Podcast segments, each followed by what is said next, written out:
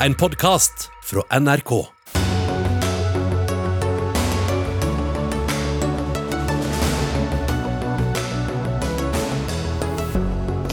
Nå er det helt mørkt, sier norskafghanere om Talibans utdanningsforbud for kvinner. De ber den norske regjeringa sette inn flere sanksjoner mot lederne i landet. SV vil at gravide skal kunne ta abort hos fastlegen. Totalt urealistisk, mener fastlege Kaveh Rashidi. Regjeringa vil felle tre ulveflokker innenfor ulvesona. Forkastelig og rovdyrfiendtlig, snerrer Venstre. Og lærere i Sverige frykter at lesebrett kan gjøre at barna aldri lærer å lese. Er det på tide å gjeninnføre skolebøkene, spør vi. Ja, og dette er bare noen av sakene Dagsnytt 18 har å by på i dag. Jeg heter Gry Veiby. Vi starter denne sendinga i Afghanistan, for millioner av unge kvinner eh, i landet er fortvila etter at eh, Taliban nekta dem tilgang til utdanning. Og De siste dagene så har kvinnelige studenter blitt stoppa av væpnede vakter utafor afghanske universiteter. Og Sonja Ahmadi, du er leder og grunnlegger av foreninga Norsk-afghanske kvinner for endring. Og i Aftenposten i dag så skriver du at nå er det ikke noe håp igjen, det er helt mørkt. Hva legger du i det? I de siste ett og eh, et halvt året så har vi sett at eh, vi har sett det i praksis at Taliban ikke har endret seg, noe som mange andre afghanere, inkludert meg, har sagt hele tida. Eh, før så var det et lite håp at uh, dialog kanskje kommer til å uh, forbedre den nåværende situasjonen. At uh, kanskje demonstrasjoner eller presse fra det internasjonale samfunnet kommer til å få Taliban til å ombestemme seg. Men det eneste som vi har vært vitne til, er at Taliban istedenfor gjøre noe for den forværende sikkerhetssituasjonen. Istedenfor å eh, kjempe fattigdom og arbeidsledighet og eh, jobbe mot den økonomiske eh, krisen, eh, både økonomiske og humanitære krisen, så kommer de med stadig nye restriksjoner og begrensninger og grove menneskerettighetsbrudd, og spesielt eh, brudd på kvinnerettigheter. I dag kan kvinner i Afghanistan ikke gå ut av huset, de kan ikke gå til en park. De er blitt fjernet fra utdanningsinstitusjoner, fra politikk, fra um, arbeidslivet uh, og fra det offentlige sfære. Og mm, dette gjør at uh, Afghanistans uh, fremtid ser veldig uh, mørk ut og veldig mm. håpløst. Mm. Vi skal høre også fra deg, Nilofar Nori. Du er norsk-afghaner og SE-politiker. Du er med oss fra Hadsel kommune i Nordland. Du kom til Norge i 2009 og har nær familie i hovedstaden Kabul, bl.a. bestemor og tante. Hva sier de om kvinners situasjon i landet akkurat nå? Det er hjerteskjærende å være en ung kvinne i Afghanistan i dag eh, og vite at eh, det ikke finnes noe håp for din framtid. Eh, mange av de jentene som, har, som i dag blir stoppa utenfor universitetene, har lenge og har jobba veldig hardt for å komme dit de har, for å få gjennom fullført grunnskolen og dratt på videregående. og få lov til å få høyere utdanning.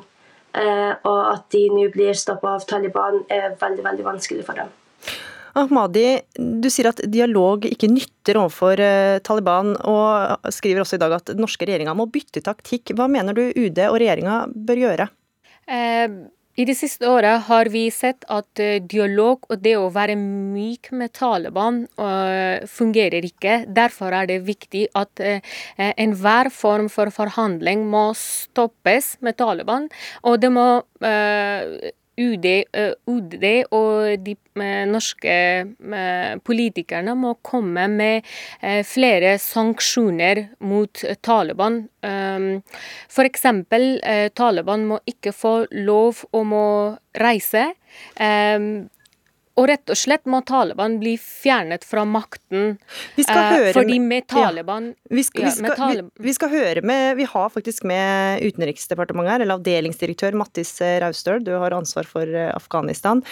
Og eh, I tillegg til alt vi hører nå, altså halvparten av landets befolkning blir stengt ute av høyere utdanning. Men Utenriksdepartementet, som du også er her på vegne av, vil fortsatt ha dialog med Taliban. Hva er grunnen til det? La meg først få si at uh, norske myndigheter er utrolig dypt bekymret for, for utviklingen i Afghanistan. Uh, det er gått i feil retning i lang tid, uh, og det, det, har vi gitt uttrykk for i, i klartekst i, i veldig mange sammenhenger. Det er vanskelig å sette seg inn i eh, situasjonen hvis ikke du har eh, nær familie eller venner i, i Afghanistan, eh, hvor, hvor, eh, ille det er. Eh, det er FNs største operasjon i verden, eh, og 28 millioner mennesker en, har behov for humanitær hjelp. og det er, er, er, viktig og begrunnelsen for hvorfor vi er engasjert. Ja, Men da tilbake til dialog. Hvorfor vil dere fortsatt ha dialog med Taliban? Nei, vi har, eh, Norske myndigheter har over lang tid hatt kontakt med Taliban. Eh, og det har fortsatt også etter at de tok makten i august i fjor. De var jo her i eh, Norge i januar for et slags dialogmøte. Her. Eh, de var invitert til Norge for å møte afghanske sivilsamfunnsrepresentanter og, og også deltakere fra det internasjonale samfunn. Eh, Men Hva slags effekt hadde det, når du ser det som skjer i dag? Det er ingen tvil om at eh, de veivalgene som de har valgt politisk, er noe vi ikke håpet på, og, og noe som ikke har, har, brakt mer stabilitet og en bedre situasjon for landet. Det, det er det ingen tvil om. Men allikevel dialog? Tror at uh, Vurderingen på norsk, fra norsk myndighets side er at, at, situasjonen blir ikke bedre av å ikke snakke med Taliban. Uh, det er viktig å sitte og snakke med dem som har makten, uh, og dermed bære hovedansvaret for utviklingen i landet. Og at vi som er opptatt av situasjonen for den afghanske beholdningen, for menneskerettigheter, for at det skal gå i en annen retning, uttrykker de meningene og forventningene direkte over Taliban. Elisabeth Eide, professor ved Oslo OsloMet og forfatter. Hvordan vil du karakterisere Norges politikk overfor eh, Taliban? Jeg tror kanskje at Norge hadde en viss eh, overdreven forestilling om eh, evne til å megle i den situasjonen her. og Dermed så tror jeg også at den invitasjonen ja, altså Jeg sier ikke at det ikke skulle være forsøket verdt, men jeg tror han var kanskje en, en liten smule naiv. For Hvis en ser på det som skjedde etterpå, var jo at Taliban dro hjem litt sånn seiersrusaktig og, og følte at nå hadde de fått internasjonalt anerkjennelse. Og Sånn som de har tolket det, så har jo det vært en slags internasjonal anerkjennelse til å ture fram. Og det vi har sett siden, er jo en slags nedstigning til et totalt mørke, egentlig. Men bedre med dialog enn ikke, er du enig i det? Altså Jeg sier ikke at en ikke skal snakke, men man må vite hvem jeg snakker med. Og jeg tror også at uh, norske myndigheter så vel som andre vestlige myndigheter må se seg selv i speilet og analysere hvorfor er vi kommet dit vi er kommet i dag. Hva skjedde i 2001 når man ikke tok med Taliban, moderate Taliban i forhandlingene om en ny regjering? Hva skjedde da Trump inngikk avtalen med Taliban? Hvem insisterte ikke på at den afghanske regjeringen skulle være med? Hvem insisterte, men fikk ikke gjennomslag? Det er veldig mange sider i historien her som vi må se på. Mm. Og så er det én ting til. Man snakker om om Taliban 2-0. Og jeg tror den der naiviteten som er knyttet til at den teknologiske revolusjonen fører til mer liberalitet, den er i alle fall når det gjelder Taliban helt dødfødt. Mm. Bare legge til at, at uh, den kontakten som vi har uh, i Afghanistan med Taliban, men også med andre når vi er inne, inne der på besøk, de norske diplomater, uh, så er jo beskjeden både derfra og fra mange afghanere vi møter utenfor, at det er viktig at vi er en stemme som også Taliban hører. Og de, de synspunktene eh, blir målbåret. Eh, og så skal man åpenbart være oppmerksom på en, en type anerkjennelse- og legitimitetsdimensjon, men, men, vurderingen fra norske myndigheter har vært at det er bedre å snakke med eh, og uttrykke de forventningene. Eh, det, det, afghansk, afghanere, sivilsamfunnsaktivister, kvinnerettsforkjempere, journalister er tydelige på at de ikke vil bli glemt, ikke vil stå alene. Hva sier du til det, Ahmadi, som UD sier at det er tross alt viktigere å snakke med enn å ikke snakke med i det hele tatt? Eh, jeg syns hvis det å snakke med dem og dialog hadde ført til noen resultater så var det et, eh, noe positivt. Da hadde det vært greit å fortsette med dialog.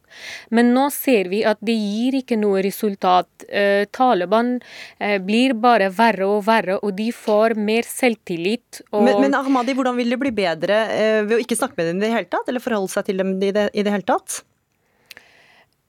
Jeg tenker at det, det beste alternativet hadde vært å bytte hele strategien Og istedenfor å ha dialog med dem og være myk mot dem, så hadde det vært, så hadde det vært bedre å sanksjonere dem og føre noen sanksjoner, slik at de får til å eh, til å ombestemme seg og mm. endre den politikken som de uh, har i dag. Rausel, kan det være aktuelt med sanksjoner? Det er viktig å huske på at allerede er ganske omfattende sanksjoner mot store deler av ledelsen mm. Taliban. Og de jeg vet at FNs sikkerhetsråd, støttes av norske myndigheter. Uh, hva norske myndigheter eventuelt skal bidra med på det området fremover, det er et politisk spørsmål som ikke jeg skal uttale meg om. Men det jeg kan si er at det, det har vært viktig for norsk side i diskusjoner om sanksjoner i FNs sikkerhetsråd hvor vi sitter i dag, at, understreke at vi må unngå at eksisterende og eventuelt nye straffetiltak rammer den afghanske befolkningen. Og at ikke man innfører sanksjoner som, som, gjør det enda verre i en veldig kritisk humanitær situasjon. Ja, Eide, hva tenker du om sanksjoner? Mer sanksjoner? Nei, Jeg er ikke sikker på om det er det viktigste nå. Jeg tror, men jeg tror det som vestlige makter må innse, det er at eh, faktisk eh, Taliban ikke er så villig til å høre på røstene fra de landene som i sin tid bombet dem og deres stillinger. Jeg tror det ligger noe der som er ganske grunnleggende. og Nå sier jeg ikke dette fordi jeg vil forsvare Taliban, tvert imot. Men, men, men, Kanskje hvordan, hvordan de regionale, de regionale maktene ville ha mer å si overfor Taliban. Pakistan, Iran, Saudi-Arabia. Jeg tror at Taliban vil låne mye mer øre til dem enn til en hvilken som helst vestlig regjering. Så kan man si det er trist at det er sånn, men jeg tror det er en realitet. Så norske myndigheter har egentlig ikke så mye de skulle sagt uansett da, i dette spørsmålet? Ikke veldig mye, men norske NGO-er gjør en grei jobb på grunnplanet. og Der går det an å snakke med lokale Taliban, som er ikke er så indoktrinert og så sekteriske og brutale alltid. Ikke alle, mm. iallfall. Ikke, ikke altså organisasjoner som ikke tilhører staten? Nei, for du har en horisontal og en vertikal mm. deling av Taliban, ikke sant. Mm. Og det er begge interessante å studere nærmere. Mm. Men Raustøl, hvordan støtter Norge da det afghanske folk? Vi støtter dem jo. Vi har et betydelig bistandsengasjement. Uh, humanitær bistand, uh, støtte til, til, til, de humanitære Å gi befolkningen medisiner, helsehjelp, mat. Det er også støtte fra norske myndigheter som går til mange av disse frivillige nei, og, og, humanitære organisasjonene og organisasjoner som jobber med menneskerettigheter. og så er det vanskelig å, å, å, finne tiltak, men vi, det er vi veldig Vi har noen, noen aktiviteter som, som også støtter opp om f.eks. kvinnerettighetsforkjempere. Nilo for eh, Nori, du er jo 21 år og representerer på den måten den unge generasjonen. Altså, hvilke forhåpninger har du til framtida i Afghanistan? Eh, jeg må først få lov til å si at det er veldig vanskelig for oss å eh, tro på at norske myndigheter bryr seg om eh, unge i Afghanistan eller Afghanistan generelt. For at samtidig som alt det her skjer, så er det veldig mange som i dag i Norge som risikerer å bli tvangsreturnert til Afghanistan. Som vi vet ikke er trygt. Det, det er en litt annen diskusjon, men tilbake til framtida i Afghanistan. Hva tror du, tror du om den? Eh, jeg tror det er vanskelig å se for seg at situasjonen kommer til å bli noe bedre i nær framtid. Eh, men jeg har troa på at den yngre generasjonen Eh, spesielt de her sterke unge kvinnene som eh, vi har sett har stått opp mot Taliban eh, de siste årene, kommer til å fortsette kampen sin. Men det er selvfølgelig en veldig høy risiko for de blir angrepet, de blir satt i fengsel. De risikerer deres egne liv og de som står dem nær. Så det er en veldig veldig vanskelig situasjon, men jeg håper virkelig at den yngre generasjonen eh, står sammen og kjemper imot en terrorregime som eh, ikke burde ha hatt makta i Afghanistan til å begynne med. Eidi, veldig kort til slutt. Veldig kort. Eh, det er noen håp her, for det er også en god del unge menn som støtter kvinnene nå, som mm. Eh, sier fra seg sine studieplasser. Og det er kollegaer, nå snakker om akademikere, universitetslærere, som sier opp jobbene sine i solidaritet. Det skal vi også huske på. Mm. Der ligger noen små lyspunkter. Mm. Takk for at dere var med i Dagsnytt 18 om Afghanistan i denne runden. Eh, Nilofar Nori, Sonja Ahmadi, Elisabeth Eide og Mattis Raustøl.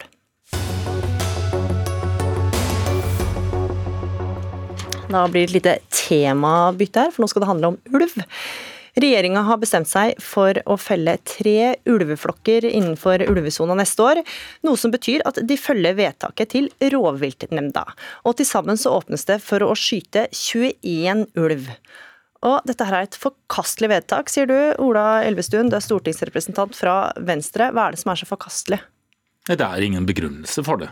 Dette er eh, tre ulveflokker som det ikke er noe fare for at det tar noe beitedyr. De er der det er, og, det finnes ikke noen negative konsekvenser av det. Så Den eneste begrunnelsen som regjeringa har, det er at de vil ha ned antallet ulv i, i Norge. Og jeg mener jo at denne regjeringen viser jo det. Dette gjør de jo også. Vi har nettopp vært og, og, underskrevet en ny internasjonal naturavtale.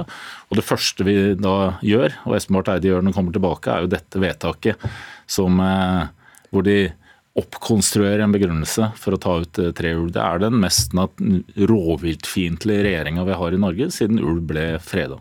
Alexander Øren Heen, statssekretær eh, i Klima- og miljødepartementet fra Senterpartiet. Å bli kalt rovdyrfiendtlig, det biter vel kanskje ikke på en statssekretær fra ditt parti? Nei, jeg har nå blitt kalt verre ting enn det, tror jeg, i både ulvedebatt og annet. Men det som er poenget her, er jo at eh, det er konsekvenser knytta til å ha en ulvebestand som ligger godt over eh, det Stortinget har fastsatt. Og Det er jo resultatet eh, etter en del år med Venstre i mitt departement, at en har hatt en for høy ulvebestand i forhold til det vedtaket som Stortinget har fatta på hvor det skal ligge. Og Vi hørte jo samme klagesangen i fjor, eh, når vi vedtok å ta ut noen flokker i ulvesona. Da var det at vi utrydda ulven, og det var ikke måte på. Nå ser vi resultatet. Det er innenfor bestandsmålet selv med det uttaket som var i fjor, og det er den linja vi har lagt oss på. At vi skal lytte til rovviltnemndene, og vi skal òg legge Stortinget sitt vedtak om eh, fire til seks eh, heilnorske revir, eller eh, fire til seks revir, derav tre heilnorske til grunn for mm. forvaltningen. Ja, og Elvestuen, dette her er jo i tråd med det bestandsmålet som Stortinget selv har vedtatt? Ja, Det er bestandsmålet, men eh, nå er jo den ulveforvaltningen Nå er det jo rettssaker som pågår. Blant annet, Man har jo tapt eh, staten både i tingretten og lagmannsretten, hvor man sier at bestandsmålet kan ikke være en begrunnelse alene. For vi skal også følge Bernkom. Men saken er jo anka, så den er jo ikke rettskraftig? Den er anka, men dette er jeg vil si, prosessrisikoen som regjeringen nå legger til grunn når de ikke forholder seg til de, de beslutningene eller de rettsavgjørelsene i tingretten og lagmannsretten, så legger man seg opp til. Og Jeg vil jo betvile at denne også vil, vil holde. Og så er det ingen som påstår at regjeringen at man truer ulven, at nå er det fare for den utryddes. For heldigvis, så i Sverige føres det en, en bedre politikk. Så den sørskandinaviske ulvestammen den er nå på mer enn 500 dyr. Så den klarer seg. Men den norske politikken den så fører man altså der. Ikke en, en, eh, politikk hvor man prøver å få Vi skal ha en todelt målsetning. Vi skal ha en beitenæring. men fortsatt i tråd med det Stortinget har vedtatt, da? Den er, den er, det er et bestandsmål som er der. Men skal, vi har også skrevet under på Bernkonvensjonen, der vi også skal ivareta ulv. Og det må være en begrunnelse for at du skal ha uttak av ulv. Det kan ikke være, kan ikke være bestandsmålet alene som er begrunnelsen. Og dette er snakk om tre flokker. For det er altså ingen fare. Det finnes ikke noe skadepotensial. Det er ingen fare for at disse vil eh, gå løs på beitedyr. Nei, hen, altså, hen, dette her er jo ikke ulv som uh, spiser sauen nødvendigvis, eller gjør folk redde, så hvorfor skal man da skyte dem? Det er jo litt rart at Elvestuen trekker fram svensk forvaltning i dette spørsmålet. fordi at Det er jo de samme flokkene som svenskene har vedtatt at en skal ta ut, som har likelydende vedtak på det både i Norge og i Sverige. Så Der er vi jo enige med svenskene. Men, men, la oss eh, holde, men til spørsmålet da, Hen. Altså, dette er jo, altså, hvorfor skal man skyte ulven? Men vi har jo hatt over tid et høyt konfliktnivå knytta til at vi har hatt en høy ulvebestand. og Da er det ønskelig å få den i tråd med det nivået som Stortinget har fastsatt. Det er det beste kompromisset knytta til de ulike interessene i dette spørsmålet, og det er det regjeringen legger seg eh, inntil. Men dette er jo ulver som er innenfor ulvesonen, hen? Det er ulver som er innenfor ulvesona, men det har aldri vært en forutsetning at en ikke skal forvalte innenfor ulvesona. Men innenfor ulvesona så har en satt et bestandsmål på fire til seks eh, ynglinger, og det forholder vi oss til. Altså kull, ja. Det, med, ja, kull. Mm. det gjør det nødvendig at når vi kommer over det, så må en ta ned eh, antallet eh, revir, som det heter på ulv. Og, Og Det er det vi legger opp til å justere ned bestanden i tråd med Stortingets vedtak. Mm. Men det er ikke det som er det fulle Stortingets vedtak, for du skal også ha en vesentlig offentlig interesse. Det skal være en begrunnelse for å, å gjøre det. Her er det, det er ingen begrunnelse ut fra at det er noe fare for noe tap av beitedyr. og Derfor så blir det på en måte en oppkonstruert diskusjon om et konfliktnivå. Et konfliktnivå som du også må søke ja, kan du bruke andre virkemidler for å redusere konfliktnivået enn å ta ut disse flokkene. Og jeg vil jo si at Senterpartiet har jo vært en pådriver for denne konflikten. Det er vel ingen som har dyrka denne rovviltkonflikten mer de siste ti årene enn Senterpartiet. Nå sitter Senterpartiet i regjering og har selvfølgelig andre virkemidler, enten det er kunnskapsutvikling, det er å skjønne og, kunne leve med de rovdyra som det er så lite konflikt med. Disse er det virkelig ikke noe. Jeg opplever at det er mindre konflikt i de rovviltfylte områdene nå når Senterpartiet sitter i regjering, enn det var når Elvestuen styrte. Men, men, Heen, men Heen, Heen, det å, å, prøve å dempe konfliktnivået er jo en viktig del av ulveforvaltninga. Er det ikke det å skyte disse ulvene det motsatte? Nei, fordi at eh, det oppstår konflikt når folk opplever at forvaltningen ikke er i tråd med de lovnadene som ble gitt. Eh, og Det er jo det som skapte den store frustrasjonen når det var store demonstrasjoner utenfor Stortinget for noen år siden. Folk opplevde å ikke bli lytta til, bli overprøvd og overkjørt. En lytta ikke til eh, de lokale rovviltnemndene som foreslo uttak, men en opprettholdt og, og hadde en vekst i ulvebestanden utover det Stortinget hadde lagt til grunn. Da får du konflikt. Eh, men hvis du legger deg på det som folk forventer, som lever med dette på dagen, ja, da tror jeg du òg klarer å redusere eh, nivået. Og så er jo ikke det sånn at Regjeringa legger opp til å ikke ha ulv, men vi legger oss opp til det kompromisset som Stortinget i bredt det var mange partier som stilte seg bak det eh, stortingsvedtaket. og Det mener jeg er det beste kompromisset for å få ned konfliktnivået i norsk rovviltpolitikk. Og Elvestuen, Du sier at dette er ulv som ikke skaper konflikt, men hvordan kan du bedømme hva som skaper konflikt eller ikke? Nei, Det er jo ingenting med hvordan disse ulvene opptrer som skulle tilsi at det er noe konflikt. Det er ikke noe skadevirkninger fra det. Så den konflikten som er, det er den, det er den debatten som pågår. Og Det er der jeg sier det som virkelig har drevet frem den debatten de siste ti årene, er Senterpartiet med deres støttespillere. Og Da er det selvfølgelig mindre bråk der ute når Senterpartiet er i regjering, for de vil jo ikke ha den konflikten opp mot seg selv. Det er jo sånn dette, dette er. Men det vi trenger er jo en vi må følge den. Vi har en god rovviltforvaltning i Norge med at vi har en todelt eh, forvaltning. Mm. Og vi har lykkes de siste ti årene gjennom at tap av beitedyr til rovvilt er halvert. Og Da er det det vi må bygge videre på. Skal vi følge både den naturavtalen vi har skrevet under i Montreal, vi skal følge Bernkonvensjonen. Dvs. Si at vi skal klare å ha ja. mm. bestander som er høyere uten at konfliktnivået øker, mm. og det er fullt mulig. Veldig kort hen. Jeg tror Elvestuen må ta seg en tur ut i disse områdene der disse ulveflokkene er, og snakke litt med folk. Ja. For Det er ikke slik at det er konfliktfylt når du har mye ulv tett på. Eh, det tror jeg veldig mange som lever med dette på dagen kan skrive under på. Vi kan i hvert fall bli enige om at vi ble ikke enige om ulven denne gangen heller. Ola Elvestuen og Alexander Øren Heen, takk for at dere var med i Dagsnytt 18 i dag.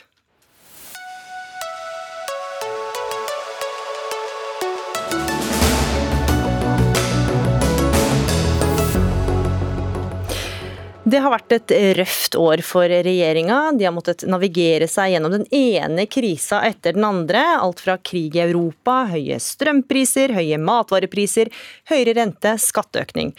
Og som om ikke det var nok, så har de også måttet bale med nedslående meningsmålinger. Og nå som 2022 snart er historie, så skal vi ta en liten oppsummering av hvordan krisen har prega den politiske debatten rundt om i landet. Og Vi starter med deg, Sivert Rossing, du er sjefredaktør i Trønderavisa. Hvilke saker har prega den eh, politiske debatten der du er?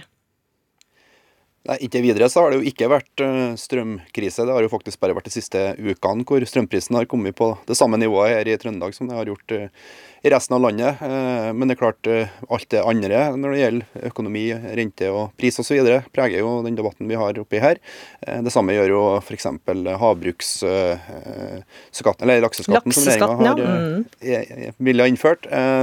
Så tror jeg også debatten er ganske prega av, av, at det her entusiasmen man så for et par år siden, med to opposisjonspartier som skulle liksom virkelig inn og sette ny kurs, at det, at det nå er borte, det, det tror jeg mange stusser over da, hvor, hvor, raskt det egentlig gikk før uh, trua på det prosjektet her nesten har dødd helt ut. altså. Regjeringa har bygd seg opp noen forventninger det ikke er mulig å innfri, sier du. Hvordan da? Jeg tror eh, særlig kanskje Trygve Slagsvold Vedum reiste reist rundt i flere år og eh, snakka om en slags følelse av at nå skulle satses på Distrikts-Norge, eh, uten at eh, han nødvendigvis var så tydelig da heller. Eh, så tror jeg folk gikk til urnene i 2021 og, og tenkte at nå skulle gjøres reelt andre prioriteringer. Nå skulle faktisk satses, på tross av hva både markedsmakt og alt annet tilsa, da, for, å, for å balansere sentraliseringa man har sett i samfunnet. Og så ser man at det skjer jo ikke. Det er jo egentlig samme kurs som, som tidligere.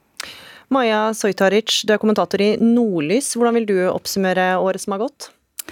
Eh, for Nord-Norge sin del så vil jeg jo eh, tro at vi har kanskje debattert sikkerhetspolitikken mye mer eh, enn resten av landet. Jeg var jo selv i Kirkenes den dagen Russland invaderte Ukraina og så hvordan stemninga skifta brått fra feiring av altså grenseboerbeviset til vantro og sjokk. Og nå er det jo selvfølgelig ingen næringsvirksomhet av noe betydning lenger i Øst-Finnmark. Eh, det har avstedkommet eh, debatter om eh, forsvarspolitikk og infrastruktur og samferdselssatsinger i nord, som man føler har blitt forsømt over mange regjeringer, og også denne regjeringa ikke klarer å innfri på heller. Så har jo grunnrenteskatten selvfølgelig betydd veldig mye også for lokalsamfunnene i nord. Det har også prega debatten, men vi har jo en gladnyhet for Arbeiderpartiet, som gjør et, en veldig bra meningsmåling på, i Nordlys sin eh, partimåling i går. Mm. Hildre, Hilde Øvrebekk, du er kommentator i Stavanger Aftenblad. Eh, hvordan ser verden ut fra der du sitter, altså det politiske året i Norge? Ja, her er det jo full strømkrise. Det har jo egentlig vært den saken som preger det meste av debattene. Og, og, det store problemet her for politikere lokalt har jo egentlig vært eh, Oslo. Og regjeringen som sitter der, og de løsningene som de føler her, både næringsliv, vanlige folk eh, og politikere, at eh, regjeringen ikke har levert godt nok. Eh, for her er det bedrifter som snakker om at eh, hvis strømprisen blir så, forblir så høy som den er, i tillegg til at regjeringen ikke har kommet med noen sånne kraftige hjelpetiltak, så er det en del bedrifter som frykter at de faktisk går konkurs og må si opp en rekke folk. Vi hører at det går bra med Arbeiderpartiet i Nord-Norge. Hvordan står det til i Stavanger, Øvrebekk? Nei, altså i, selve Stavanger kommune så har vi jo en ordfører som er ganske populær, men, eh, men det holder nok ikke alene i et lokalvalg eh, å, å ha en populær eh, ordfører. Fordi at jeg tror eh, det har nesten skapt seg en sånn eh, konflikt innad i Arbeiderpartiet mellom de lokale politikerne her, som har gått ut flere ganger i Arbeiderpartiet og Senterpartiet eh, og mot sin egen regjering. Eh, og jeg tror at eh, taktikken framover mot lokalvalget er nok Eh, for mange av disse politikerne å eh, på en måte kritisere sin egen regjering for mm. de løsningene som de ikke leverer til Rogaland. Og Rossing, Det er også noe man eh, ser hos deg, for et av de stedene der det kanskje kommer tydeligst fram at det vokser fram nesten litt sånn småpartier innad i partiet, er jo bl.a. Giskes lokallag, da, som er Norges største. Ja, jeg tror jo det her framveksten av det Nidaros sosialdemokratiske forum, som det heter, har, har blitt et bilde på frustrasjon med, med Arbeiderpartiet nasjonalt. Og egentlig så, så er vi ikke så langt unna at det samme kunne ha skjedd i, i Senterpartiet i deler av Trøndelag òg. Du, du, får litt det samme inntrykket når du snakker med lokalpolitikere fra begge partier, som, som eh, liksom har gitt opp eh, å, drive og selge sin egen regjeringspolitikk da, i, i, Trøndelag. og Det så vi jo et tydelig eksempel på med, da fylkestinget i Trøndelag nå eh, faktisk vedtok eh, høringsuttalelse som gikk imot den lakseskatten. Da. Det er jo Ap og Senterpartiet som er de, de store førende partiene der. så eh, Det virker ikke som om liksom, entusiasmen og, og troa på egen regjering er spesielt høy. og det, det, tipper jeg at Når vi kommer til valget neste år, så tipper jeg vi vil se at man, man distanserer seg ganske betydelig da, fra det her regjeringsprosjektet, hvis det, eh, hvis det fortsatt er så, slapp, så, så svak oppslutning som, som, det er nå. Hmm. Så uh, Søtaric, det her er jo også noe du kjenner, for uh, i, i Nord-Norge så er det jo uh, Arbeiderpartiet gjør det spesielt veldig bra i Tromsø. Men ikke så veldig bra ellers. Eh, det er jo eh, åpenbare eh, skiller mellom bygd og by i Nord-Norge, som det er veldig mange andre plasser i landet. Men Arbeiderpartiet gjør det bra i Tromsø fordi de har en ordfører som ikke er redd for å gå imot sine egne. Han fremstår som ganske handlekraftig og en som klarer å finne løsninger i midten, som type appellerer godt til lilla velgere, noe som Arbeiderpartiet sliter med å appellere til akkurat nå i, nasjonalt. Um, så det er jo en veldig bra meningsmåling for Tromsø by, men i Bodø gjør de det dårlig, og i Narvik gjør de det dårlig, og det er veldig mange andre plasser i Nord-Norge de ikke gjør det bra. Mm. Senterpartiet har også uh, fått uh, bunnslått unna seg fullstendig. De har jo tross alt levert i Nord-Norge på noe av det de har lovd, altså oppløsning av Troms og Finnmark fylkeskommune, men det kan jo uh, virke som om velgere i Nord-Norge egentlig ikke var så veldig opptatt om, av akkurat det, og ville gjerne sett noen andre distriktsvennlige løsninger i en landsdel som sliter veldig med demografisk utvikling fremover. Og I så måte så er jo lakseskatten en het potet der du er, Saitaric? Veldig het potet. Her har det også vært ordføreropprør i veldig mange små og mindre kommuner der man har eh, gjort seg veldig avhengig av oppdrettsnæringa, og der oppdrettsnæringa også har blomstret. Eh, det er jo mange ordførere og politikere både i Senterpartiet og Arbeiderpartiet som ikke er veldig fornøyd med måten man har fremstilt eller fremhevet denne eh, grunnrenteskatten, og har talt regjeringa veldig eh, hardt imot. Eh, jeg tror det vil nok være en del innretninger som endres så på grunnlag av det. Ellers så mister man jo grasrota både for Senterpartiet og Arbeiderpartiet. Og så kan jo resten bare surfe på den blå bølgen som vi også ser i nord. Mm. Rossing, vi går mot et kommunevalg neste år. Hva vil alle krisene vi har snakka om nå, eh, hvordan vil det påvirke resultatet der, tror du? Jeg tror i mange små kommuner så påvirker det forholdsvis lite hvordan går det med regjeringa. Det skyldes jo ikke minst at det i mange tilfeller er faktisk bare Ap og Senterpartiet som er reelle eh, ordførerkandidater rundt omkring i, små og mellomstore kommuner. I store så tror jeg nok det kan påvirke ganske mye. Her, her jeg sitter i Trondheim, er det jo antagelig for første gang på en generasjon høyst realistisk at Høyre kan ta makta. I fylkespolitikken i Trøndelag så er det høyst realistisk at en koalisjon med Senterpartiet og borgerlige partier kan ta makta.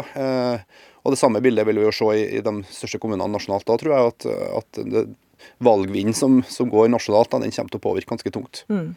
Hva tror du, Evrebekk fra Stavanger Aftenblad, hvordan vil alle krisene vi har stått i nå påvirke lokalvalget? Jeg tror nok det vil påvirke, men det, det vil òg, sånn som så Rossing sier, vil nok bli sånn at det, det det som lokalpolitikerne kan vinne på her, er jo å stå, opp mot sin egen regjering, som er litt uh, absurd. Uh, fordi at, at, du skulle jo tro at, at et parti sto samla foran et lokalvalg òg.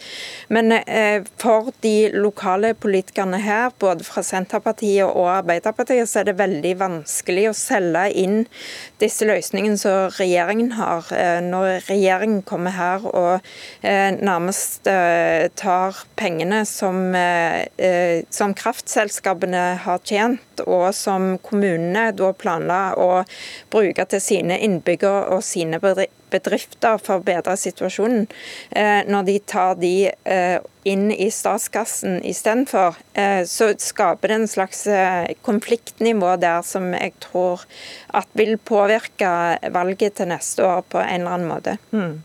Sojtaric, helt til slutt, hvilke saker blir viktige framover der du sitter?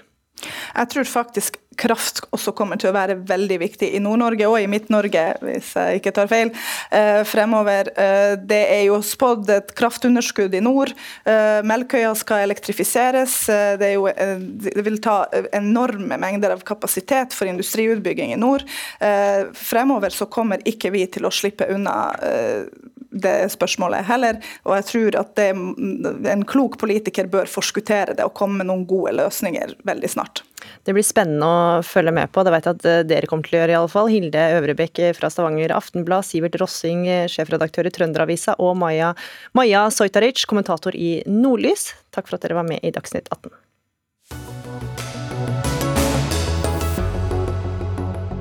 Det er bare å følge sendinga videre, så får du snart vite hvorfor eh, lege Kaveh Rashidi er skeptisk til forslaget fra SV og Rødt om at gravide skal få ta abort hos fastlegen.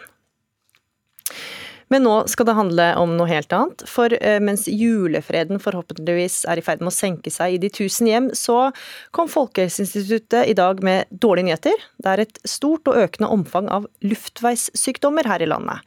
Og noen steder så har sykehusene også økt beredskapen, og overlege i Folkehelseinstituttet, FHI, som vi pleier å kalle det, Are Stuvitz Berg, hvilke sykdommer er det som er i sirkulasjon nå?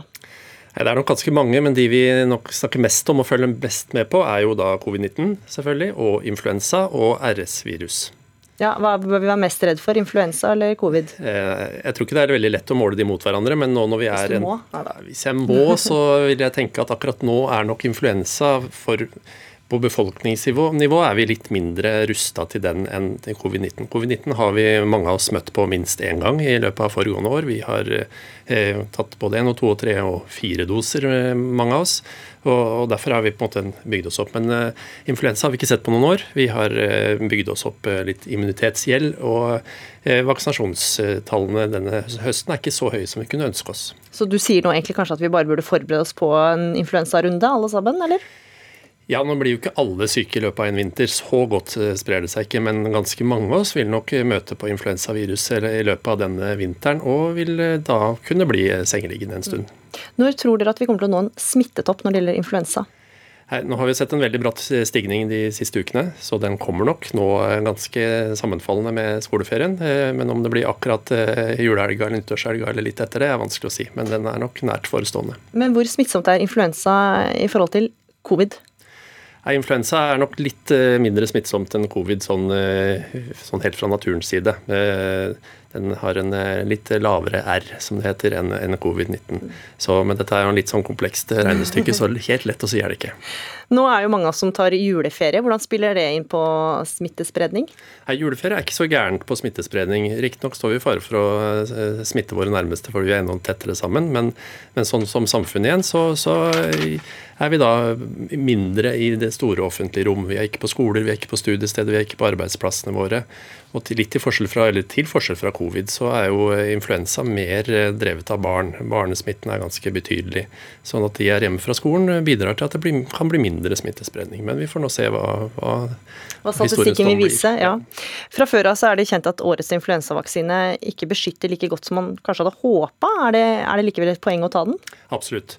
Influensavaksine beskytter godt, og da er det jo risikogruppen. Altså de over 65 og de yngre med, med risikotilstander eh, og helsepersonell som bør ta den. Og den beskytter godt mot eh, alvorlig sykdom og død, derfor, og det er den viktigste grunnen til å ta den. Og den eh, effekten er eh, i stor grad bevart. Men så er det alltid den lille mismatchen. Man eh, må velge ut influensaviruset som skal inngå i vaksinen allerede et halvt års tid før. Og Da er det alltid en fare for at den ikke matcher helt godt. Men det er litt for tidlig å si om den mismatchen er så dårlig som man kanskje har fått inntrykk av i media ennå. Så den er verdt å ta. Den er verdt å ta. Mm. Samtidig som vi i Norge ser nå ut til å komme oss ut av eh, pandemien, så er koronasmitten på full frammarsj i Kina. Og Hedda Flatø, du er forsker ved Fafo med Kina som spesialfelt. Hva vet du om smittesituasjonen i Kina nå? Altså det, eh, det er jo åpenbart at smitten i Kina har spredd seg veldig mye og veldig raskt eh, etter at de lempet på restriksjonene for ikke så veldig lenge siden. Um, og eh, altså Myndighetene sier at det, det nå er registrert nesten 400 000 vel som er smitta med symptomer. Eh, men det er mye som tyder på at det er mye mer enn det. For så var det i går postet et sykehus i Shanghai eh, i sosiale medier eh, at de anslo at det var over fem millioner som var smittet bare i Shanghai. Mm. Og de estimerte at over 12 millioner, altså halvparten av byens befolkning, Eh, vil være smitta før utgangen av året. Ganske store antall her. Ja, det er. Mm. Hvordan er det kinesiske helsevesenet rusta til å møte økende smitte? Nei, det er, det er jo ikke veldig godt rusta. Altså, Kina har fortsatt eh, relativt få intensivplasser og, og eh, både relativt lite og ganske dårlig utdannet helsepersonell sammenlignet med det vi er vant til. Og så er det jo spesielt altså Under det første covid-utbruddet i Wuhan så satte de inn helsepersonell fra hele landet som, som strømma til Wuhan for at de skulle klare å håndtere det akkurat i den ene byen. Mm. Men det er jo ikke en, en, taktikk som man kan bruke nå hvis det er veldig mye smitte over hele landet. samtidig. Og det er eh, særlig på landsbygda så er det ganske dårlig eh, infrastruktur og, og, dårlig med personell. Eh, så det virker som at kinesiske myndigheter er særlig bekymra for hvordan dette skal spille seg ut på mm. landsbygda i Kina. Mm, men strategien har endra seg, som du sier. De hadde jo en strategi om å slå ned alt. Mm. Men, eh, men hva er strategien nå? Nei, De sa jo da at, at omikronen er mindre farlig. Og at derfor har de nå gått vekk fra denne strategien om å unngå all smitte og over til en strategi for å behandle smitte. Mm. Eh, så for å gjøre det, da, så må man jo Så har det det, det har vært litt sånn litt uklare signaler. Det kommer jo litt eh, brått på, for å si det mildt. da. Eh, så det er blitt håndtert på litt ulikt vis av lokale myndigheter. Men det som er kommet av liksom, direktiver, er at man skal ruste opp sykehuskapasiteten, hente inn ekstra folk, f.eks. hente inn folk som er pensjonert, eller si at, eh, at personalet som har covid, kan jobbe så lenge de ikke har symptomer. Og også så er det gått ut beskjed om å, å ruste opp helsevesenet, særlig på landsbygda. Og opprette flere sånne feberklinikker, f.eks., så at folk kan bli behandlet lokalt. da. Men de strenge restriksjonenes tid er over? Eh, det ser absolutt sånn ut, altså. Eh, så eh, det som blir spennende, blir å se om de kan klare å gjøre alt dette her på såpass kort tid, da. Mm. WHO er bekymra og etterlyst helsedata, eh, men har ikke fått det fra kinesiske myndigheter så langt. Hvorfor vil de ikke offentliggjøre ståa? Det er nok litt blanda. Det er nok noen tall som man ikke har så lyst til å gå ut med, men så er det også Uh, mange tall som det er vanskelig å finne gode tall på. Særlig nå har de, de har slutta med massetesting. Det er jo naturlig i og med at man har slutta med eh, null covid-strategien. Mm. Uh, så da mister man jo veldig mye informasjon, og de har også slutta å registrere ikke-symptomatiske tilfeller, hvilket også er naturlig når de ikke tester dem. Uh, så akkurat at, akkurat at, det er vanskelig å få de tallene der, er på en måte Det fins en del grunner til det. Det er også mye som er problematisk når det gjelder det med rapportering fra sykehusene og helt opp til liksom sentrale myndigheter i Kina. Og en del litt sånn lokale eh, vurderinger som er opp til helsepersonell å gjøre da, når det gjelder f.eks. om eh, covid er hovedårsaken til et dødsfall, f.eks. Mm. Men så, så særlig når det gjelder det med antall smitte og og innleggelser, så, så, det, så, er det mange grunner til at det også faktisk er vanskelig å rapportere. Mm. Eh, dødsfall er jo også vanskelig å rapportere, men så har jo også Kina den, nå innført en, en, måte å telle dødsfall på, som er at man hovedsakelig skal telle bare de som er døde etter å ha fått eh, lungebetennelse eller lungesvikt, er det vel, etter å ha hatt covid. Mm. Så det er en veldig sånn smal definisjon, og det er jo Eh, hvis man ønsker at tallene ikke skal se veldig store ut, så er det jo klart at det er fordelaktig å bruke en sånn begrensa definisjon. Mm. Berg, hva har du å si, eller Hvor viktig er det for omverdenen at vi får en oversikt fra Kina? Jeg tenker jo Generelt så er overvåkning bra. Det gir en bedre oversikt over situasjonen overalt. Men, eh, men som det sies her, så er det jo vanskelig. vanskelig mm. Og det, det, er kanskje ikke det aller viktigste. Det viktigste nå er jo at Kina faktisk håndterer dette her. og jeg tror konsekvensene for omverdenen er jo relativt beskjedne. Vi er, I de fleste land i verden har vi jo gjennomgått infeksjon og eller vaksinasjon, og dermed har vi en, bygd oss opp en immunitet og tåler den smitten som eventuelt måtte lekke ut av Kina. Men kineserne selv står jo en tøff tid i møte. Og de vil jo også, som vi opplever her i Norge nå, sikkert også få andre infeksjonssykdommer som seiler opp igjen. Når de nå har slått hardt ned på covid, så har de slått hardt ned på alle andre infeksjonssykdommer som også vil spre seg. Hmm.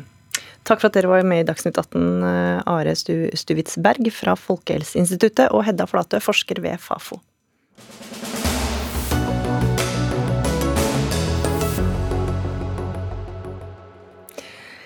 Sammen med Rødt foreslår SV at det skal bli enklere eller lettere å ta abort. For mens man i dag må dra til sykehus for å få medisinsk abort, så foreslår de to partiene at kvinner skal, skal kunne få abortpille på fastlegekontoret eller helsestasjonen. Og det har fått deg til å reagere i både sosiale medier og i en kronikk i Aftenposten. Kaveh Rashidi, du er fastlege. Hvilke utfordringer ser du ved dette forslaget?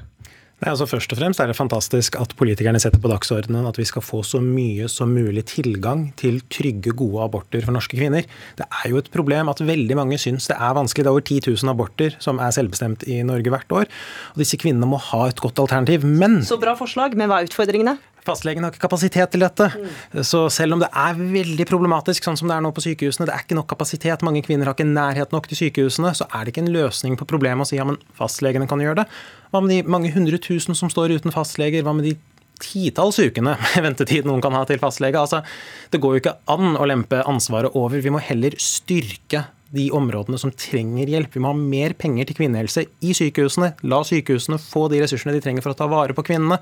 Og er man i grisgrendte strøk hvor man trenger primærhelsetjenesten til å gjøre jobben, ja, så gi ekstra ressurser akkurat der, men ikke, ikke gre hele Norge over én kam og si at ja, men nå skal fastlegene ta over denne store oppgaven. For vi trenger spesialistene. Vi trenger at kvinner blir ivaretatt av høyeste kompetanse. Mm. Marian Hossein, det er stortingsrepresentant for SV og medlem av helse- og omsorgskomiteen. Hvorfor vil dere at fastlegene skal gjøre dette her? Altså, dette var jo et innspill til eh, abortutvalget som skal levere sin rapport. Eh, det regjeringsoppnevnte abortutvalget. Ja, mm. Og de har på en måte varslet at de kommer til å se på en helhetlig endring av abortloven. Mm. Dette er jo en fem, over snart 50 år gammel lov, og da må vi jo også kunne lage en lov for framtida, og vi må kunne se framover. Men hvorfor er det riktig at fastlegene skal kunne gjøre det? Nei, altså Vi har jo ikke brukt ordet fastlegen i, når vi har uttalt oss. Vi har forholdt oss til Verdens helseorganisasjon sine retningslinjer fra i år som sier at man skal eh, tilby abort på primærhelsetjenestenivå.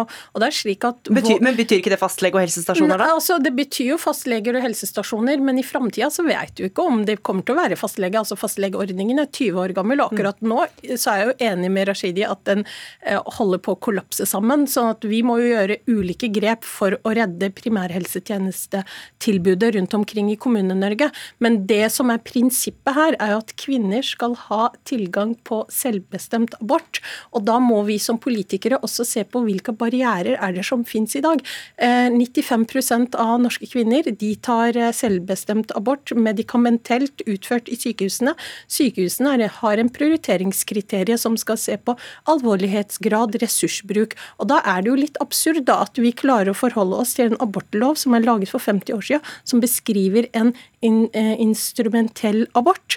Og da må vi kunne se på er det faktisk riktig ressursbruk at 84% av de kvinnene i Norge som tar abort før uke ni, skal måtte vente eh, så lang tid? fordi det er jo ikke sånn at... For det vil være kortere ventetid hvis de tar det i primærhelsetjenesten? Det vil jo være mye kortere mm. tid. og Akkurat nå så har vi flere historier av kvinner som forteller at de må vente i tre-fire uker eh, for å få utført abort i sykehus. Og så har du alt av reisetid og tilgjengelighet. Og, den, og som politikere så må vi jobbe for å få ned de barrierene. Mm. Rashidi, nå er det jo, er det jo litt sånn framtidsutsikter for hva som er fastlege og, og, og, helsetjenesten sånn sett. Men du sier at dette i realiteten også vil være et nederlag for kvinnehelse?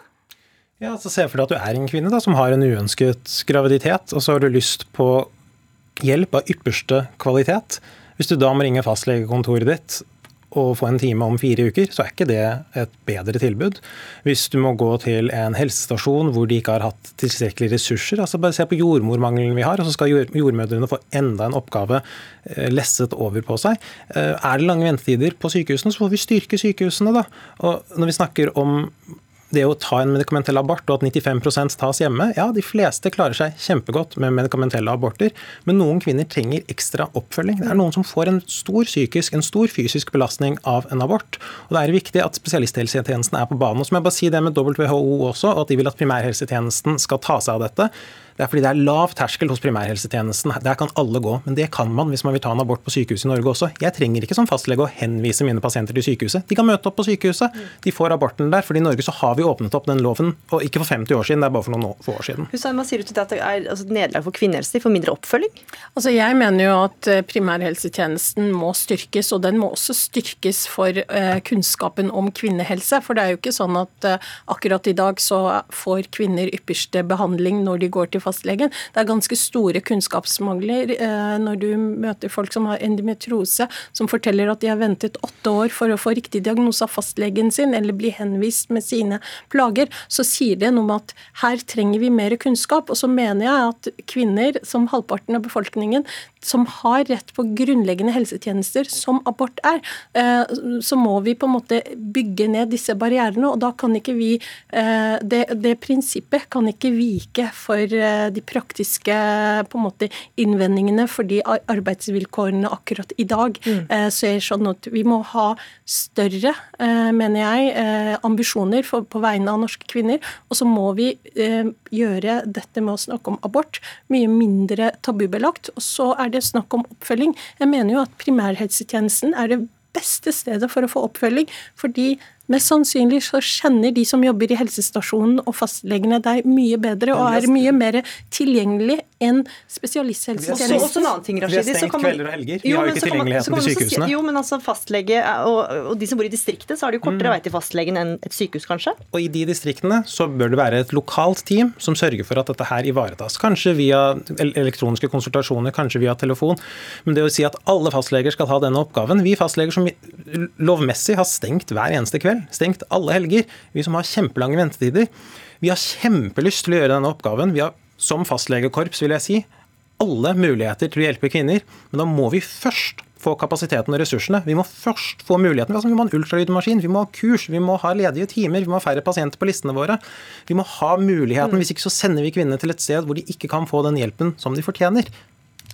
Altså, Vi ønsker jo at kvinner skal få den hjelpen de trenger. og dette, Disse retningslinjene fra Verdens helseorganisasjon de snakker også om omsorg og oppfølging. sånn at det her er jo ikke noe uenighet om. Det som er viktig, er at vi normaliserer eh, det å snakke om abort, og at vi også eh, tenker at halvparten av befolkningen skal også ha grunnleggende helsetjenester. og Det er abort også en del av, og det må også være tilgjengelig på primærhelsenivå. Men dette er da på lang sikt da, ikke sant? Dette er jo på lang mm. sikt. altså Abortutvalget har jo ikke levert sin rapport, og loven kommer ikke til å bli endret eh, med det første nå, men dette er jo en viktig debatt. og Så håper jeg jo at vi klarer å få med oss eh, fastlegekorpset. Men her er det også ganske store medisinske miljøer som har reagert på det Kavi Rashidi eh, har skrevet i sosiale medier. Så her håper jeg jo også at vi får med oss et, et mangfold av stemmer i framtida. Du får prøve å overtale han på bakrommet. Vi har fått en debatt om dette. Kaveh Rashidi og Marian Hussein, takk for at dere var med i Dagsnytt 18.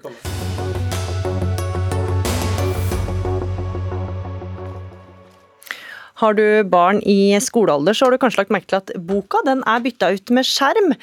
I Morgenbladet så stiller de spørsmål om vi bør gjøre det samme som svenskene, for der har de nemlig nå bestemt seg for å gjeninnføre skolebøkene. Skoleministeren i Sverige betegner skolens bruk av skjermer og nettbrett framfor bøker som mislykka. Og Øystein Gilje, du er professor ved Universitetet i Oslo og jobber med innovasjon i skolen, og sier til Morgenbladet at det den svenske ministeren sier er oppsiktsvekkende. Hvordan da? Ja, Det er jo oppsiktsvekkende på en måte at eh, hun bruker forskningen om digitalisering slik at hun eh, argumenterer for denne satsingen på læremidler. Så det oppsiktsvekkende er ikke nødvendigvis at hun vil ha bøkene eller sterkere fokus på det, men måten hun argumenterer for å bruke bøkene som et slags hjelpemiddel for å liksom redde situasjonen i skolen, skape stillhet i klasserommet, konsentrasjon og slike det syns jeg er ganske oppsiktsvekkende av en minister for utdanning i 2022. Vi har da spurt den svenske skoleministeren eh, Lotta Edholm som hun heter, om hun vil være med her i kveld, men vi har ikke fått noe svar fra departementet hennes. Men hun har jo eh, kanskje et poeng da, fra Grundig, altså en som er stor undersøkelse om digitalisering i den norske skolen. Du nikker, for dette kjenner du til. Etterlyser lærerne flere bøker, så hvor vellykka har det vært egentlig å da erstatte mange av bøkene med skjerm? Ja, dette erstatte enten-eller. Det er jo det som er eh, utfordringen her når vi setter opp debatten ja, på denne måten. Ja takk, begge deler, er det det du sier? Jeg sier ikke nødvendigvis ja takk, begge deler i alle fag. Men vi er nødt til, og det ser vi også på tvers av fag i den store undersøkelsen vi har gjort med 2500 lærere, i dette prosjektet som også er forkorta grundig, og som heter Digitalisering i grunnopplæring. Vi ser der sant, at enkelte lærere har større behov for lærebøker enn andre lærere. Og så ser vi at i enkelte fag er det større behov enn i andre fag, og på enkelte trinn. Så dette blir jo da en mye mer nyansering enn den svenske ministeren sier, at hun skal ha én lærebok per fag, per trinn til hver elev. Den type tenkning det tenker jeg er sånn 1980-tallstenkning. Eh, og i vår skole her i Norge, vi har en del fellestrekk med Sverige når det gjelder digitalisering med tanke på hvordan vi har rulla ut skjermene, mm. men vi har ganske andre forutsetninger for å drive skole oppimot den situasjonen vi nå har i Sverige. Anne Mangen, du er professor ved Lesesenteret i Stavanger. Hvilke tanker gjorde du deg da du hørte nyheten fra Sverige? Jeg eh, tar det litt som et tegn på at uh, omsider så har noe av den forskninga på særlig lesing, da, det er jo lesing jeg er interessert i og, og mener vi gjerne kan snevre det inn til også, i hvert fall i deler av debatten, at, den, at noe av den, lesning, den forskninga som vi har kjent til og hatt uh, nå i ganske mange år, den, det begynner å komme signaler på at den begynner å få litt gjennomslag. da. Og Det syns jeg jo er litt på høy tid, fordi vi har hatt forskning på effekter av skjerm på en type lesing som eh, vi nå alle ser er under press, og det er jo den lesinga av lengre og sammenhengende tekster som er en, en svært viktig del av lesing som ferdighet uh, og, og, prosess. Men, men, det må du forklare, Mangen, for hva er det som er negativt ved å lese på skjerm? Altså Hvorfor blir det borte ved å lese på skjerm? Eh, det er vanskeligere å mobilisere vedvarende fokus på en tekst som skal leses fra begynnelse til slutt, og som går over flere sider. Særlig eh, der hvor ingenting beveger seg. Eh, vi må, vi må mobilisere den kognitive tålmodigheten og tilegne den oppmerksomheten og kvalitet på oppmerksomhet som teksten krever. og Da blir det mer krevende jo lengre teksten er, og jo kanskje mer kognitivt, eller mer kompleks teksten er. Så, så, så er det bedre støtte for eh, den typen mer dybdeforståelse. og mer eh, høyere ordens eh, da, kognitivt, eh, så gir papiret en bedre støtte pga. at teksten rett og slett er tilgjengelig for oss perseptuelt og kognitivt på en annen måte enn på skjerm. Når vi begynner å skal scrolle på en skjerm, og dette har vi visst veldig lenge fra kognitiv psykologi, når vi begynner å scrolle på en skjerm eller man skal bla, så, så går det kortere tid før vi mister kontrollen på skjermen. og da, da, mister vi også litt kontakten med vår egen lesning. Mm. Denne monitoreringa av lesinga vår, når vi, øh, vi, vi klarer å lese teksten med den hastigheten for eksempel, som eh, innholdet krever. Vi stopper opp og, og går tilbake, kanskje. Eh, vi, det, er, rett og slett vanskelig, vanskelig å holde oppmerksomheten ved like. Gilje, det er jo blitt kalt som et stort eksperiment dette her, å rulle inn disse skjermene i skolen. Hva sier du til det? Jo, det kan godt uh, hende at et sånt ord kan være dekkende for det man gjør, men så kan du godt si at uh, alle mulige ting vi prøver og som er innovative, kan regnes som et eksperiment. Det som er oppsiktsvekkende i denne saken, det er at man liksom tenker at man skal gjøre en 180 graders dreining, og så sier at nå skal vi satse på bøkene, for dette med skjermer, det egner seg ikke. Og det som er forskjellen, tror jeg, på Anne Magne og meg, det er at hun er leseforsker, mens jeg er læringsforsker. Og det som er mulighetene og alle de eh, variasjonene du kan få til med en skjerm, det dreier seg om digitalisering. Men det at det er vanskelig å holde konsentrasjon f.eks., og lese lenge tekster, som hun sier her? Det er helt riktig. Mm. Og i et leseforskningsperspektiv så er det veldig viktig. Hvis vi ser på læring i dag, så er ikke det bare nødvendigvis å avkode ord i en setning og nødvendigvis lese lengre tekster en gang iblant. Det vi kan få inn på en skjerm er altså så mye mer variert. Og når vi spør disse lærerne i den store undersøkelsen, så sier de at digitale læremidler det gjør undervisningen mer variert. Det gjør en mye bedre individuell tilpasning. Vi kan jo få lest opp teksten nå når vi har en skjerm. En papirbok kan ikke lese opp teksten for deg. Og i tillegg så sier de også at det skaper mer motivasjon, særlig hos en del grupper i befolkningen. Mange altså lærere i Sverige advarer mot uh, at barn kan bli analfabeter, altså at de ikke klarer å lese på skjerm eller nettbrett. ser du den samme faren? Altså, analfabeter ville jeg vel ikke brukt, men jeg syns utholdenhet i lesing er et stikkord her. Og det er jo en evne, altså denne med kognitiv tålmodighet og evnen til å stå i eh, kognitivt utfordrende eh, oppgaver over tid, er jo en ferdighet som har stor overføringsverdi til læring på tvers av fag. Eh, og jeg tror at vi gjør elever en bjørnetjeneste ved å tenke at uh, ting går lettere med en skjerm. Altså, det er krevende, selvsagt snakker jeg om lesing, men, men, det å lese lengre tekster og det å trene på kognitiv tålmodighet og utholdenhet i lesing har så stor overføringsverdi uh, på tvers av fag, sånn at jeg tenker at vi må vi, må, vi, kan ikke bare isolere det til en ferdighet som bare hører hjemme sånn innimellom når vi skal lese lengre tekster. Uh, sånn som det kunne virke som om Gilje, Gilje mente. Mm. Jeg tenker at det er en variasjon her. Eh, og det er klart at det å arbeide med ulike ting i skolen dreier seg veldig mye om å ha elevaktivitet, gruppearbeid og sånn sett jobbe med ulike typer kilder. Og Det er ikke sikkert at det alltid er så godt sammenfallende med å sitte og konsentrere seg om én tekst over lang tid. Nå har vi i hvert fall én eh, ting som er sikkert, at lesebrettene er lagt i sekken, for eh, nå er det juleferie for de fleste barn. Anne Mangen, professor ved Lesesenteret i Stavanger, og Øystein Gilje, professor ved Universitetet i Oslo. Takk for at dere var med for å drøfte dette her i Dagsnytt 18, som nå er kommet ved veis ende. Den som var ansvarlig for sendinga, det var Fredrik Lauritzen. Det tekniske ansvaret, det hadde Eli Kyrkjebø. Og her i studio var jeg, Gry Veiby. får du følge oss også i morgen, da vi også skal ha siste sending før julaften. Takk for følget.